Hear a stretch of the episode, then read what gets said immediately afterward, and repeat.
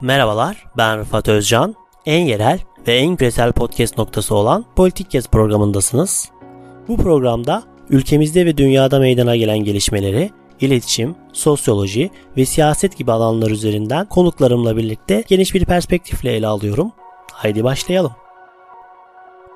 Merhabalar, Politik Kes Podcast programına hoş geldiniz. Bugünkü konuğumuz Bilal Eren. Programa hoş geldiniz. Hoş bulduk. Sizin birçok şapkanız var şimdi. Nereden başlasam bilemedim. Ondan dolayı sizden kısaca kendi tanıtmanızı isteyeceğim önce. Şapkalardan önce sizin şapkanız kıymetli. Hayırlı olsun. Hem yeni stüdyo hem yeni içerik, yeni bir heyecan. Böyle sürdürülebilir, istikrarlı, güzel içerikli, bol dinleyici. Türkiye'nin belki de veya bu coğrafyanın hani fikre çok ihtiyacı, yeni fikirlere çok ihtiyacı olduğu bir dönemde ki ben öyle düşünüyorum. Yeni ufuklar açar. Tekrar hayırlı olsun. Çok teşekkür ederim en baştan beri destekleriniz için. Çok çok sağ, olun. Çok teşekkürler. Aslında herhalde bugünkü e, konuşacağımız konu çerçevesinde açık veri üzerine çalışıyorum. Bilgisayar mühendisiyim. Bir derneğimiz de var. Açık Veri ve Teknoloji Derneği. Sivil toplum tarafında da bir ekosistem, bir topluluk kurmak için yola çıktık. Dolayısıyla sizin de katkılarınızla herhalde bu şapka şimdilik yeter. Üniversitede dersler vermeye çalışıyorum. Gençlerle beraber olmaya çalışıyorum. Dünyayı anlama, teknolojinin ve bilginin hayatlarımıza etkilerini anlamaya çalışan bir yolculuğum var. Harika. Bugün sizinle açık veri ve açıklık kültürü üzerine dediğiniz gibi daha çok konuşacağız ve bunların önemi üzerine konuşacağız. İlk olarak da şeyden başlayalım istiyorum. açık veriden önce açıklık kültürünü konuşursak harika olur. Evet. Belki tersten de gidebiliriz bu açıklık kültürüyle ilgili. Kapalılık nedir? evet. Kapalılık. Şimdi e, çok da çarpıcı son yıllarda işte son bir buçuk senede yaşadığımız korona salgını sürecinde açıklığın ne anlama geldiğini herhalde en yakından hissetti tüm toplumlar. E, eskiden belki bu konuşmayı yapmak için başka örnekler vermek gerekirken bugün korona örneğiyle açıklığın ne demek olduğunu çok güzel anlatabiliriz. İşte korona başlangıç sürecindeki olaylar, bugün yaşadığımız şeyler, işte açık devletlerin korona ile ilgili gelişmeleri, bilgileri, verileri, kendi stratejik güvenlikleri için, kendi toplumlarını korumak için bir sürü motivasyon var. Nasıl kapalı tuttuğu, bazen manipüle ettiği ki konuşuruz bunları. Aslında neden daha fazla açık olmamız gerektiği toplum ve insanlığın genel anlamda çok güzel bir örnek oldu. İşte 2019'un Aralık ayında Wuhan'da bir doktor koronavirüsün Covid-19'un belirtilerini ilk bulan kişi olarak sonra vefat etti kendisi koronadan. E, bunu kendi grubunda paylaşıyor. Diyor ki farklı bir semptomlara sahip bir şey buldum. Sonra onu Wuhan yerel polis gücü karakola davet ediyor ve sen toplumu kin ve nefrete sürüklüyorsun. Yapma bu açıklamaları veya bu mesajları, bu paylaşımları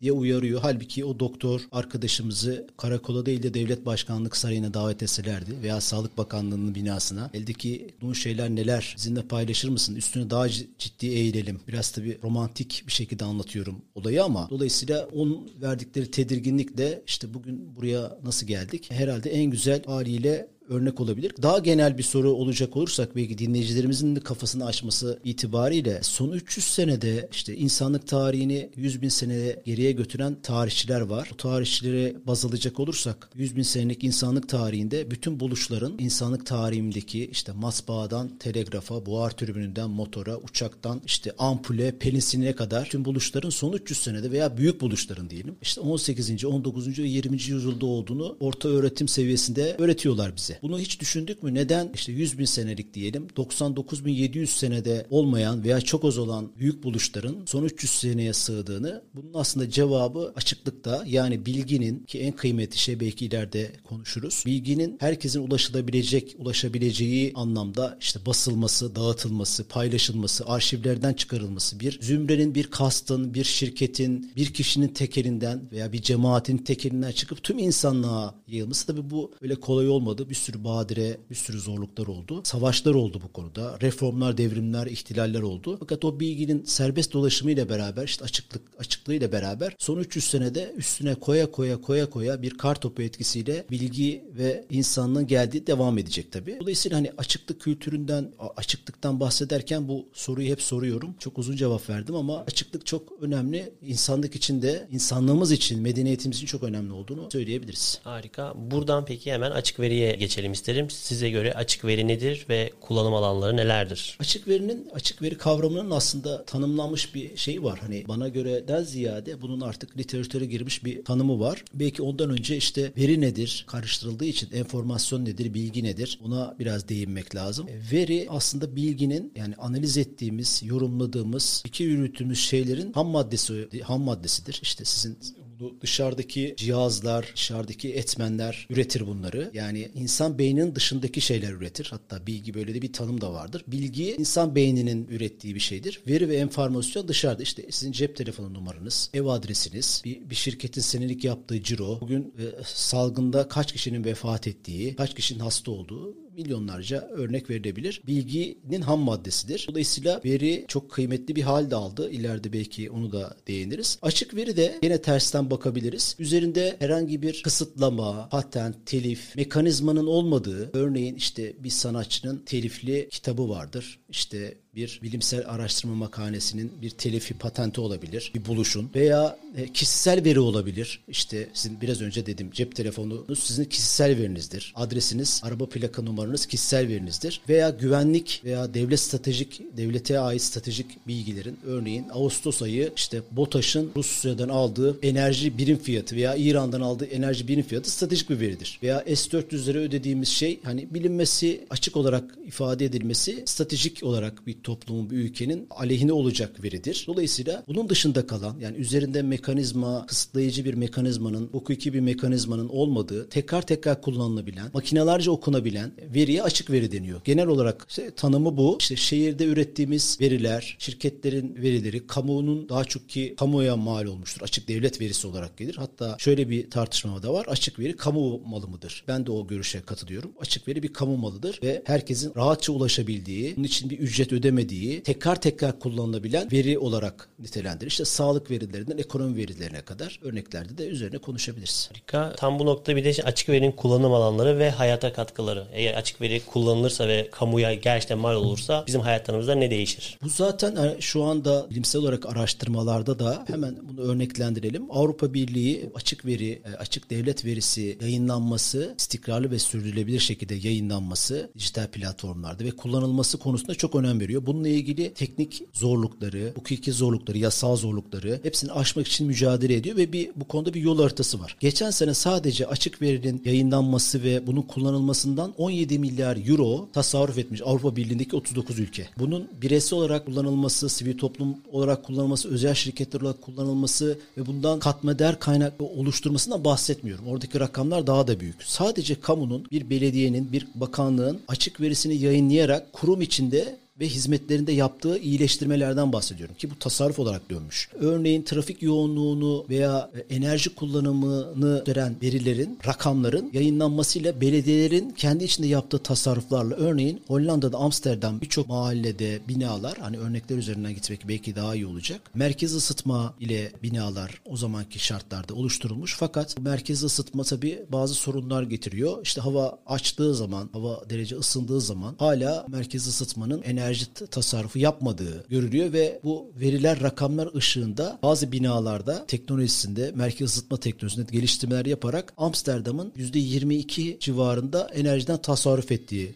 görülüyor. Aynı şekilde İngiltere'de örneğin örneği çok sık veriyorum. Çok da kıymetli buluyorum. Londra'da kalp krizinden ölen insanlarla ilgili açık verilere dayalı bir çalışma yapılıyor ve kalp krizinde en önemli şeyin hızlı müdahale, acil müdahale olduğu düşünüyor. Sağlık Bakanlığı kalp krizinden ölen hastaların verilerini güncel ve sürdürülebilir her zaman web sitesinde yayınlıyor. Londra Kent Konseyi'ndeki insanlar farklı disiplinlerden bu verilere bakarak neden Londra'nın kalp krizinin en çok ölümlere sebep olduğu üzerine fikir üretiyorlar var. Ki Londra işte İngiltere'deki birinci bu konudaki listenin birinci sırasındaki yerleşim birimi. İşte trafik yoğunluğu vesaire sebepler konuşulurken şöyle bir çözüm yolu söylüyor bazı kent kent konseyindeki bazı kişiler. Ki kalp krizine acil müdahale, kalp krizini önlemede en önemli kıymetli şey şok cihazları. Hemen ambulans gelsin ve şok cihazıyla kalp krizini engellemek için veya önlemek için engelleyemez belki ama ölümleri engellemek için hızlı müdahale yani. Şok cihazları yerleştiriyorlar mahallelere. Böyle telefon kulübesi şeklinde ve onları sağlıkçıları zimmetliyorlar. E, İngiltere'de, Londra'da bir vatandaş kalp krizi geçirdiği zaman sevdiği eşi, çocuğu, annesi, babası, amcası neyse telefon açtığı zaman o sağlıkçıya da haber gidiyor ve koşuyor. Ambulanstan önce elektroşok cihazıyla müdahale yapıyor ambulanstan gelmeden önce ve bu açık veriden kaynaklı çözüm yolu sayesinde bir sene sonra Londra İngiltere genelindeki birinciliğini kaybediyor ve beşinciliğe düşüyor. Bu iyi bir düşüş tabii. Bakın açık verinin toplumsal faydasından da söz etmiş olduk. Yani açık veri ne fa ne faydası olur sorusuna sorusunun en güzel cevabı rakamsal olarak da görünüyor. Dolayısıyla bunun ekonomik, toplumsal faydaları olduğu kadar birçok başka probleme de iyi geldiği. Örneğin işte en büyük problemimiz yalan haber ve bunun üzerine inşa edilen hayatlar, komplo teorileri. Bu komplo teorilerini bitirmek veya bunları azaltmak, toplumdaki kakafoniyi yakından yaşıyoruz bu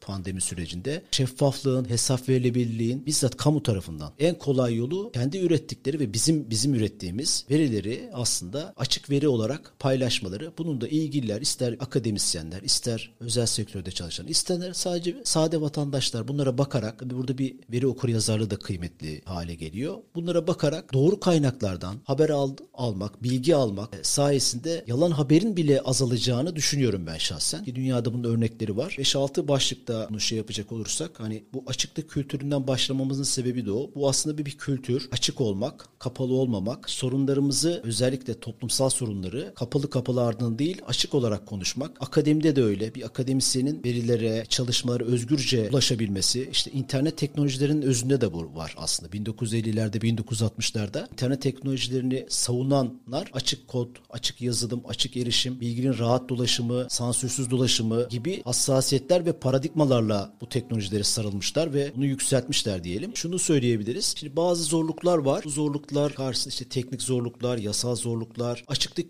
kültürünü konuştuk en başta. Bu bir kültür ve aslında yaşam biçimi. E aşmak en zor. Yani verini paylaş dediğin zaman bir kamu kurumuna ile ilgili hiç daha önce böyle bir şey yapmadığı için ilgili bölüm bir duraksıyor. Acaba bir şey kaçırır mıyım? Acaba yanlış bir şey olur mu? Dolayısıyla hep kapalı kapılı ardında yönetim sistemleri de bunu şey yapıyor. Yani çok şeffaflık yok. Yani şeffaf olmaya çok alışık değiliz aslında. Belki 300 senelik 500 senelik bir macera. Dolayısıyla aileli ailelerimizde de öyle değil mi? Sadece devlet organizasyonu demeyelim. Hani toplumsal olarak da çok açık açıklığa her şeyi açık açık konuşalım. Açık iletişim olsun. İşte bir baba figürü vardır değil mi bizde? Dolayısıyla hani kol kırılır yen içinde kalır gibi böyle bazı e, öngörülerimiz ve inanışlarımız da var. Şunu söylemeye çalışıyorum. Teknik, yasal engeller olduğu gibi kültür engeli de var. Bunlar aşağı kolay değil zaman içinde olacak şeyler. Fakat bun, bunlar aşıldığı zaman işte bir bilginin çoğalması akademik anlamda işte açık erişim, açık kütüphane, akademik çalışmaların desteklenmesi ve gün bilimsel araştırma yapacaklar için veri en kıymetli şey. Örneğin aşı çalışmalarında bunu çok önemli örnek olarak söylüyorum. Gördük. Toplumsal olarak, bireysel olarak bunun katkısı hiçbir şey olmasa bile şeffaf olma adına, hesap verilebilir adı olma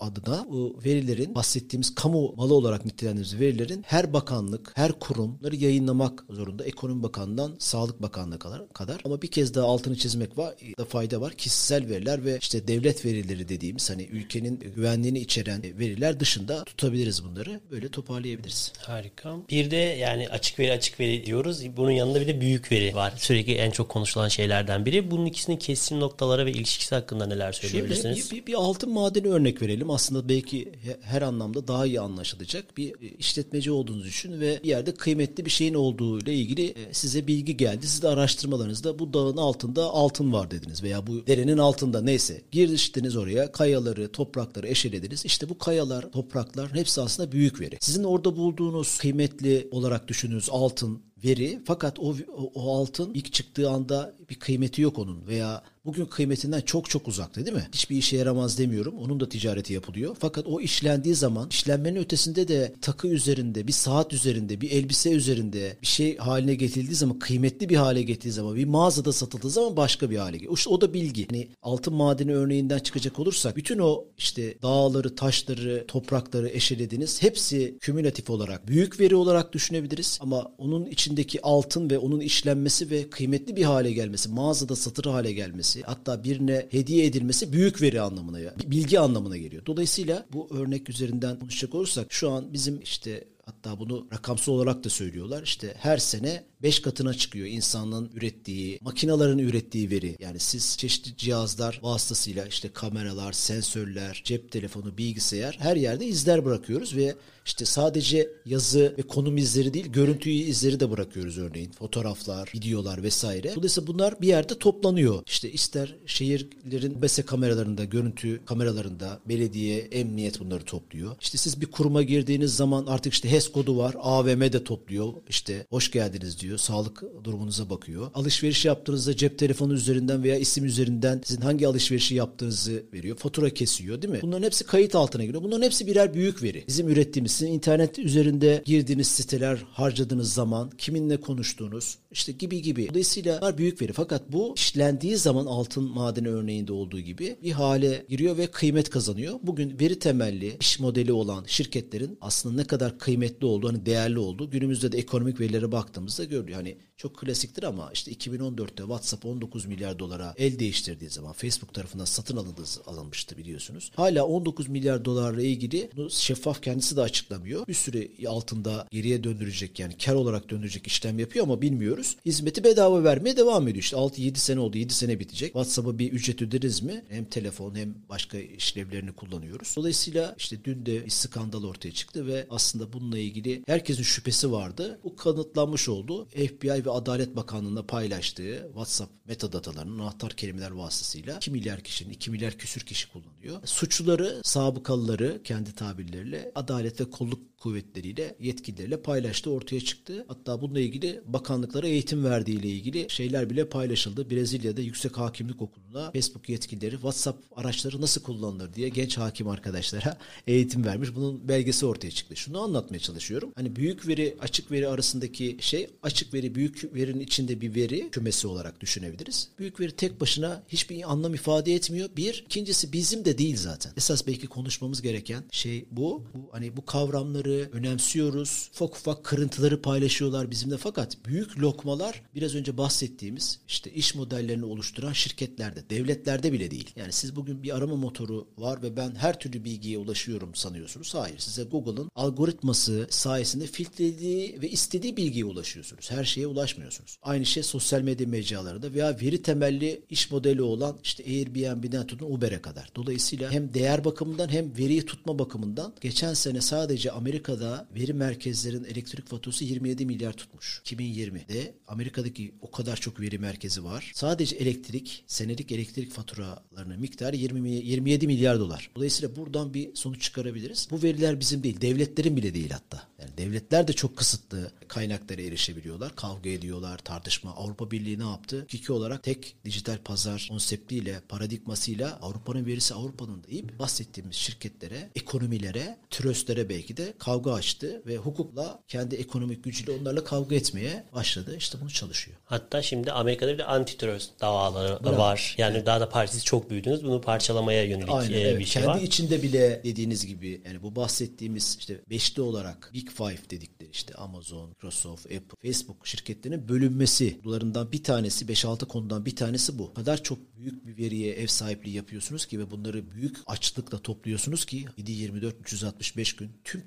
teknolojik altyapınız ve yeteneklerinizle düşünsenize Google'da 100 bin kişi çalışıyor. Bu adamlar işi sadece veri. Yani ürettikleri servisler, ürünler, hizmetlerin temelinde bu var. Senin duyguların, düşüncelerin, el hareketin, göz hareketin, ayak hareketin, gittiğin yer, durduğun yer, ibadetin, dünya düşüncen bunlar üzerine servisler geliştiriliyor. Dolayısıyla böyle bir canavarla tırnak içinde. Bu şirketleri de tabii tamamen hedefin tahtasına oturtmak istemiyorum. Çünkü hiç kimsenin düşünmediği bir şey yapmış ve yolculuğa çıkmışlar. O zaman inovasyonu öldürürüz yani. Çok kantarın topuzu kaçmaması gereken bir şey. Ama o kadar büyümüşler ki Amerika kendi topraklarındaki otorite bile siz ne yapıyorsunuz diyecek kadar şu an kongrede 5 tane yasa tasarısı var. 5 farklı konuda. Bir tanesi de bu. Şirketleri parçalayalım. Bu kadar veriye ev sahipliği, bu kadar büyük bir güce ev sahipliği yapamazsınız. Yapmamalısınız bu kadar büyük servisleri diye. Büyük veri, açık veri bakın nerelere gidiyor konu ama hepsi birbiriyle ilişkili şeyler. Dolayısıyla veri demokratik olarak herkesin ulaşımında değil yani sonuç olarak. Biz erişebildiğimiz bir şey değil. Belki ilk önce bunun için bunun kavgası verilmesi lazım insanlığı. Ama var olan, erişimde olan şeyler de biraz önce söylediğim zorluklar nedeniyle şey yapılamıyor. Türkiye ülkemizde de aynı şekilde. Bir türlü o istenen seviyeye gelmiyor. İstenen seviyeye gelmiyor diye öneminden vazgeçecek değiliz yani. Aslında şeyi sormak istiyorum size veri veri diye konuştuk ama mesela internetten önce veri yok muydu? İnternet yani yani biz aslında konuştuğumuz şey internet verisinden şu an bahsediyoruz gibi konuşuyoruz sürekli. Veri internetle mi geldi? Muhteşem soru. Hayır, hayır. İnsanın, insanın işte varoluşuyla beraber. Hatta güzel bir hikaye var. Gerçekliğinden e, azade. Önemli değil ama bir şeyi anlamamız için güzel. Bilginin önemi ve işte okun bulunuşuyla ilgili. Belki dinleyicilerimiz arasında bu hikayeyi bilen vardır. İşte ilk kavga ne zaman başladı? Ne sebep oldu? Ok örneğinden veriyorlar. Şimdi avcı toplayıcı dönemde veya biriktirme olmayan dönemde biriktirebileceğimiz, gıdamızı biriktireceğimiz ortamların olmadığı dönemlerde ilk çağlarda diyelim insanlar acıkıyor ve haliyle 7-8 kişi 10 kişi erkekler muhtemelen hani daha güçlü bizona saldırıyorlar diyelim. Ellerindeki taşlarla sopalarla bizon da canavliyle 3 kişiyi öldürüyor orada diyelim. 2 kişi öldürüyor. Zayiat veriyor. Yaralanıyorsun, bacağın kırıyor, gözün çıkıyor neyse. Ama öldürüyorsun ve yiyorsun. İşte adil paylaşım yapıyorsun. 8 kişi mi biz biz ona saldırdık? Biz onu 8'e bölüyoruz ya işte en azından herkesin kalbinin mutmain olacağı şekilde bölüyoruz. İşte orada bir lider vardır belki ama hikaye o değil. Hikaye şu. Bir gün bu 8 kişiden bir tanesi oku buluyor ve hiç kimsenin zayiat vermeden uzaktan 4-5 atışta 10 atışta 10 tane ok atışıyla biz onu vuruyor. İşte sorun burada başlıyor. Ben diyor ki oku buldum. Herkese eşit payı alamam. Ben daha fazla pay almalıyım. Bunu anlatırlar yani bilginin ilk yani çıkardığı sorun veya paylaşımı konusundaki güzel bir hikaye olarak. Dolayısıyla hani oku bulmak ve okun bilgisine sahip olmakla başlamış hikaye. Yani şeylerde de böyle öğretilerde, dinlerde de hani bilgiye sahip olmanın öneminden bahsedilir ve onun için hani mücadele edilmesi gerektiğinden bahseder. Dolayısıyla veri veri ve bilgi ilişkisinde e, bu kadim bir şey. İnsanlık tarihiyle özdeşleşmiş bir şey. Her zaman kıymetliydi. Hatta bu işte savaşlar, ideolojiler bugün işte baktığımız zaman bundan kaynaklanmadı mı? Toplumların farklı görüşlere, farklı medeniyetlere sahip olması bu savaşlarla oldu. Günümüzde de aynı şekilde yani baktığınız zaman işte orta çağ hani tanımlamalardan çıkacak olursak reformlara, Rönesans, aydınlanma dönemi işte doğunun batıya, batının doğuya olan Aristoteles'ten başlayıp sonra işte Araplara ve Endülüs'e oradan tekrar Avrupa'ya hatta onları ayrı tutanlar da var. Sonra o batı medeniyetinin yükselişi biraz önce programın başında belki de konuştuğumuz o bilginin çoğalması ham maddesi veri özdeşleştiriyoruz. Bu kavga hem açık bilginin, bilginin açık hale gelmesi hem de örtük bilgi dediğimiz bu da çok kıymetli. Belki bir başka programda bu konuşulabilir. İnsanın deneyim, tecrübe yani usta çırak ilişkisiyle öğrendiği, vücuduna öğrettiği, duygularına, sezgilerine öğrettiği, belki Chomsky'nin ifadesiyle doğuştan veya anne karnında öğrendiği bir hikayesi var bilirsiniz. Yani çocuk doğuyor. Çok kısa bir süre içinde hiçbir eğitim almadan çok düzgün kelimeler, cümleler kuruyor. Sadece anne babasından, yakınlarından duyduğu parça parça şeylerle bir süre sonra bu nasıl olabilir? Hadi bu çok mistik, misteri diyor buna yani bir şeydir diyor. Dolayısıyla e, belki anne karnından, belki daha da öncesinden başlayan bizim bir örtük bilgiyi, bu da açık bilgili e, işte kitaplardan aldığımız, eğitim öğretim hayatıyla aldığımız bilgiyle birleşince bugün başka bu yolculuğumuz devam edecek. Yani sorunuza gelecek olursak insanlık tarihiyle eşdeğer, her zaman kıymetliydi. Bugün bu kapitalist bir şeyle iş modeli haline geldi. Belki en önemli fark bu oldu. Benim okumam bu en azından. Harika. Son olarak da Açık Veri Derneği'ni sormak istiyorum. Bugün o şapkanızla buradasınız. Yani Açık Veri Derneği'nin çalışma alanları ne ve hedefleri ne? Türkiye'de neyi değiştirmek istiyorsunuz? Oo hocam. bir şeyleri değiştirmek istemiyoruz aslında. Yani o çok tehlikeli de bir soru değiştirmek. Yok bir değiştirme hedefimizden ziyade öğrenme ve öğrendiklerimizi paylaşma. Bu bahsettiğimiz, konuştuğumuz konularda farklı disiplinlerden insanlar, ekonomistler, akademisyenler, avukatlar, hukukçular, mühendisler var Türkiye'de. Bunları bir araya getirmeye çalıştık. Çalıştık ve çalışıyoruz da. Bir topluluk oluşturmaya çalışıyoruz aslında. Eğer biz bu konuda iyi yol almış Türkiye, açık veri, açık devlet verisi konusunda bir tutaklık ve aslında çalışan bir mekanizma var. Bu mekanizmanın oluşumunda ilk bunu seslendiren iki dönem önceki Amerika Başkanı Obama. O, o masada biz de varmışız. Fakat o masadan sonra kalkmamışız ama çıkarılmışız. Bunun başka nedenleri de var. E, yani iyi yol almışız ama hızlı yol alıp şey yapamamışız. Yani aradaki fark kapanmış. Açık veri portalı kurulması Türkiye'de bütün kurumların orayı besleyeceği bir platformun kurulması projeler arasında mevzuatta da var ama bir türlü açılamadı. Dolayısıyla bu portalın açılması bize bir mesafe kat edecek. Kurumlarımızın belediyelerden tutun bakanlıklara kadar var olan verilerini kişisel verilere, açık veri hukukuna, anonimleştirme, maskeleme gibi işlemlerden sonra dijital olarak burada yayınlamaları, lisanslayarak yayınlamaları, halkımızın, vatandaşların bilgisine sunmaları, oradan çıkacak katma değeri, ekonomik katma değer de olabilir, olmayabilir de. Başka faydaları da olabilir. Kalp krizi örneği de verdiğim gibi. Sağlıkla ilgili bir katma değer oluşturmuş. Kalp krizinden ölümleri azaltmış. Daha bundan daha kıymetli bir şey olabilir mi? Hani rakamsal bazda bile olamaz. Ekonomik anlamda söylüyorum. Dolayısıyla politikalar geliştirmede, ülkemizi daha iyi bir ülke yapmada, iyi bir, bir toplum, iyi bir ülke yapmada veri temelli çalışmanın kıymetli olduğunu düşünüyorum. Bakın çok temel Fransa'da olan bir tartışmayı söyleyeyim. Aslında tüm dünyanın buna ihtiyacı olduğunu da söyleyeyim. Şimdi biz Adalet Bakanlığı'nın mutlaka bununla ilgili verileri vardır ama bilmiyorum. Fransa'da şöyle bir tartışma yapılmıştı ve devam eden de bir tartışma belki yıllara sahir. E biz insanları ceza veriyoruz ve işte onları cezalandırmak için çeşitli suçlardan hapishanelere koyuyoruz. Hapishanelerden çıktıktan sonra bu insanlar pişman olmuşlar mı? Bu tabii biraz soyut bir kavram ama bunu nasıl test edebiliriz? Aynı işi bir daha işlemiş mi? Fransa'da hapishaneye girenlerin %62'si tekrar aynı suçtan hüküm giyiyor. O zaman hapishane rejiminde bir problem var. Bakın bize bir veri bir şey söylüyor. Türkiye için de belki aynıdır. Hani benim de bir bilgim yok. E, Adalet Bakanlığı'nın belki vardır. Bakın veri bize bir şey söylüyor. Hapishane yönteminin, rejiminin en azından Fransa için faydalı olmadığı. E, niye biz insanları buraya koyuyoruz? Yani pişman olsun bir daha o yaptığı hatayı yapmasın. Demek ki işe yaramamış. Bakın veri ne işe yaradı? Şeyleri okumamızı, geleceğe dair sistemlerimizi, yönetimlerimizi, hayatımızı şekillendirmede, tekrar planlamada ki planlama kadar kıymetli bir şey var mı artık günümüzde? Ekonomimizi, hayatlarımızı düzenlemede çok faydalı olacak. Çünkü bunlar artık dijital teknolojilerin yardımıyla ki dernekteki arkadaşlarla buna çok inanıyoruz. Hani teknolojinin, dijital teknolojilerin bu kadar gelişmiş olması, iletişim olsun, başka teknolojilerin gelişmiş olması veriye ulaşmada, onları kullanılabilir ve makineye okutmada çeşitli formatlarda yani sadece biz tek tek belki bir Excel formatındaki rakamları kıyamayız ama bir makine bunu bir kod, bir yazılım vasıtasıyla sizin bir haftada yapacağınız şeyi 3 saniyede yap değil mi? Bunu insanlar hani bizi dinleyenler işte muhasebe programlarından tutun insan kaynakları yazılımları kadar bunu yaşıyoruz hayatımızda. Dolayısıyla bunları açık verileri işleyebilecek, analiz edecek, buradan biraz önce söylediğim planlamaları çıkaracak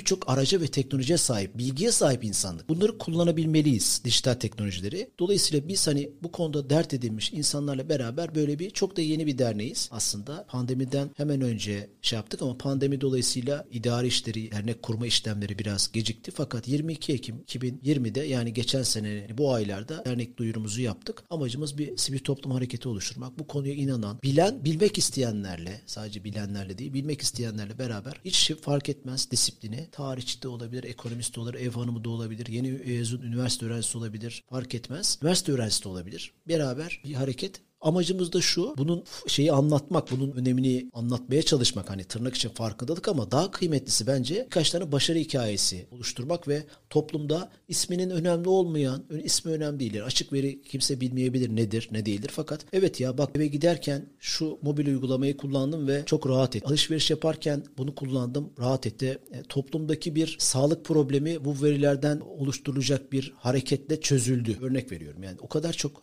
şey, şey var ki çözebileceğim diyebileceğimiz. Dolayısıyla bu başarı hikayeleriyle de toplumda bir şey oluşturmak. Bu konuyla ilgili bir ne kadar güzel olmuş. Böyle çalışmalar yapmak istiyoruz. Herkesi Açık Veri ve Teknoloji Derneği'ne de bekliyoruz. Kısaca aftet, aftet.org ve aftet.org.tr'den bize ulaşabilirler. Sosyal medya hesaplarımız da var. Herkesi bekleriz ilgi duyanları. Harika. Benim sorularım burada bitti. Programa katıldığınız için, bu sorularıma cevap verdiğiniz için çok çok te- teşekkür ediyorum ben size. Ben teşekkür ediyorum ağırladığınız için. Bol içerikli harika yayınlar. Çok sağ olasın. Bugün Bilal Eren'le açık veri ve açıklık kültürü neden önemlidir konusu üzerine konuştuk. Politik Kes Podcast programını dinlediniz. Biz dinlediğiniz için teşekkürler.